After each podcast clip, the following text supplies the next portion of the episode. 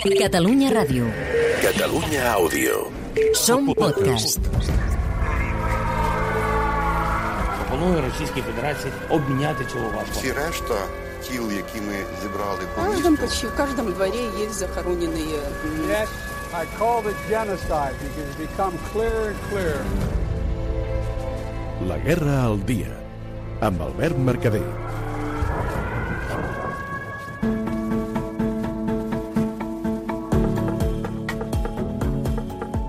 Hola a tothom. És dilluns 2 de maig i us parlo des de Kharkiv, la segona ciutat més gran d'Ucraïna. Fins fa dos mesos tenia un milió i mig d'habitants, si fa no fa com Barcelona. Tots majoritàriament russòfons, o dit d'una altra manera, que la seva llengua habitual és el rus. Ara, d'aquest milió i mig d'habitants, un 40% ha fet cas a la crida de les autoritats i ha fugit de la ciutat. Alguns, però, han optat per quedar-se. Són els que conviuen amb la banda sonora que acompanya la ciutat durant els últims dos mesos. És aquesta.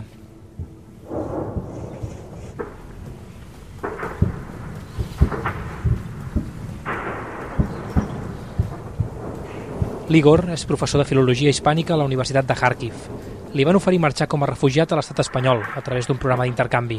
Ell, però, va preferir quedar-se a la ciutat. En la primera mitad del marzo hubo muchísimos bombardeos, hasta 30, 40, 50 bombardeos diarios. Hace dos días hubo 16, hace un día parece que 11. Los rusos sabían dónde bombardear. Pero también eh, hace falta subrayar que bombardean los hospitales, jardines de infancia, hacen a veces a ciegas, o quién sabe, intencionalmente, para matar el futuro. Kharkiv està a només 40 quilòmetres de la frontera amb Rússia. Les tropes del Kremlin, però, són encara més a prop, a menys de 10 quilòmetres d'aquí. Fins fa dos dies, de fet, controlaven pràcticament tota la província. Ara, l'exèrcit ucraïnès ha recuperat posicions i ha alliberat uns quants pobles del voltant que estaven sota control rus. Kharkiv no l'han pogut controlar mai, però això no ha impedit que s'hagi convertit en una altra ciutat fantasma. Tot està tancat, pels carrers pràcticament només hi ha soldats i bona part dels edificis estan destruïts. Ens expliquen que l'han bombardejat cada dia, cada dia des de l'inici de la invasió. D'això, avui fa 68 dies. Imagineu-vos el que és viure 68 dies seguits sota les bombes, amb aquest so contínuament i amb l'amenaça que suposa.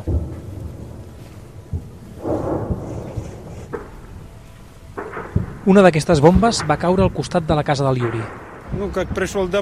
Vaig sentir un soroll i després una explosió. Hi havia fum a tot arreu.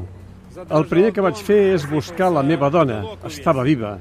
I vaig sortir al carrer per cridar el nom del meu fill. Vivia al cinquè pis de l'edifici. Jo el cridava per si estava viu. Em va contestar que sí, que havia sobreviscut. Van tenir sort. En les últimes 24 hores, les bombes russes han matat 3 persones i n'han ferit 8 més a la ciutat. Això és Kharkiv ara mateix. I tot i així, hi ha qui, com el Maxim, intenta posar-hi optimisme. The situation in Kharkiv la situació a Kharkiv crec que és molt perillosa. Encara és molt perillosa perquè la gent hi està morint, però hi pots viure. Ara em sento més segur que fa dues setmanes, per exemple. Fa dues setmanes estava molt més espantat. T'hi acostumes. afraid very much, very much. I just used to. T'hi acostumes. T'acostumes a viure així.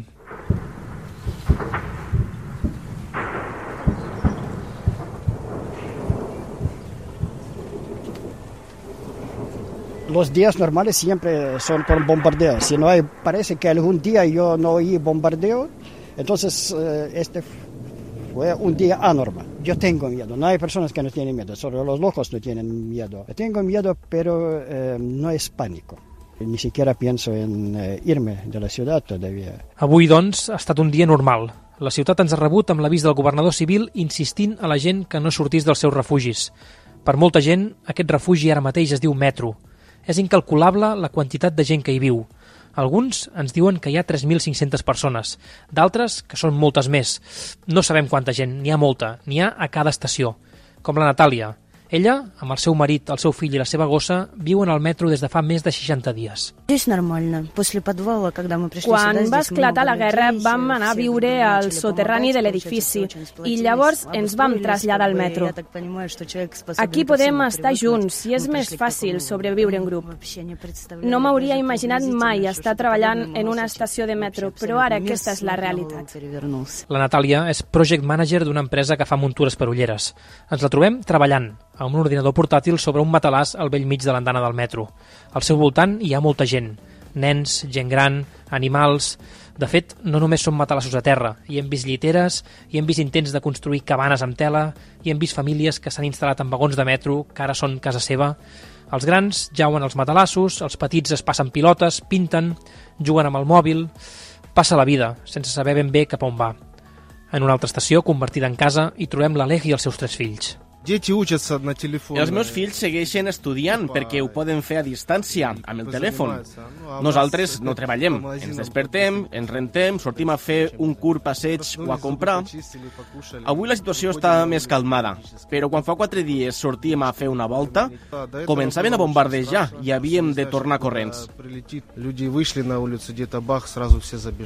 A l'estació, molts aprofiten per mirar notícies amb el mòbil. Parlen de Mariúpol. Allí continuen evacuant els civils que portaven setmanes atrapats sota la fàbrica siderúrgica de Zoftal. Des de Kiev, però, denuncien que els russos no han respectat els acords i han atacat durant el dia d'avui. Mariúpol ara és sinònim d'històries carregades de tragèdia, com les de la Dina i la Natasha, mare i filla. Ja et pots imaginar com em sento. Fes servir la imaginació. La part més horrible és quan bombardegen, quan veus com explota tot i la gent es mor. És el que fa més por. I avui les notícies també parlen de Mykolaiv, al sud. Allí els combats també s'intensifiquen. I sobretot parlen d'Odessa. Allí hi ha la Katrin. La vam conèixer quan vam estar a la ciutat. Estamos en casa, preocupadas. Aquí por motivos de 2 de mayo tenemos un toque de queda que dura dos días. Por la tarde nos atacaron y dicen que necesitan unos siete meses para reconstruirlo.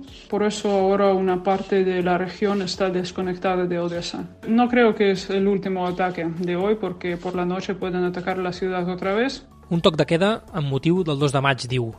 Avui fa 8 anys, el 2 de maig de 2014, grups d'ultradreta ucraïnesos van cremar vives 48 persones prorusses amb un incendi a la casa dels sindicats. Es coneix com la massacre d'Odessa. Avui s'esperaven que l'exèrcit rus aprofitaria el simbolisme de la data per atacar la ciutat. Finalment, així ha estat. Un atac amb missils que, com a mínim, deixa un altre mort al funest comptador d'aquesta guerra. Tenia 13 anys.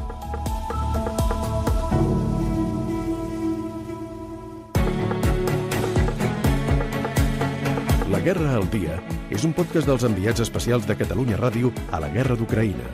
Josep Plazas, Carla Verdés i Albert Mercader. Catalunya Ràdio. Catalunya Àudio. Som podcast.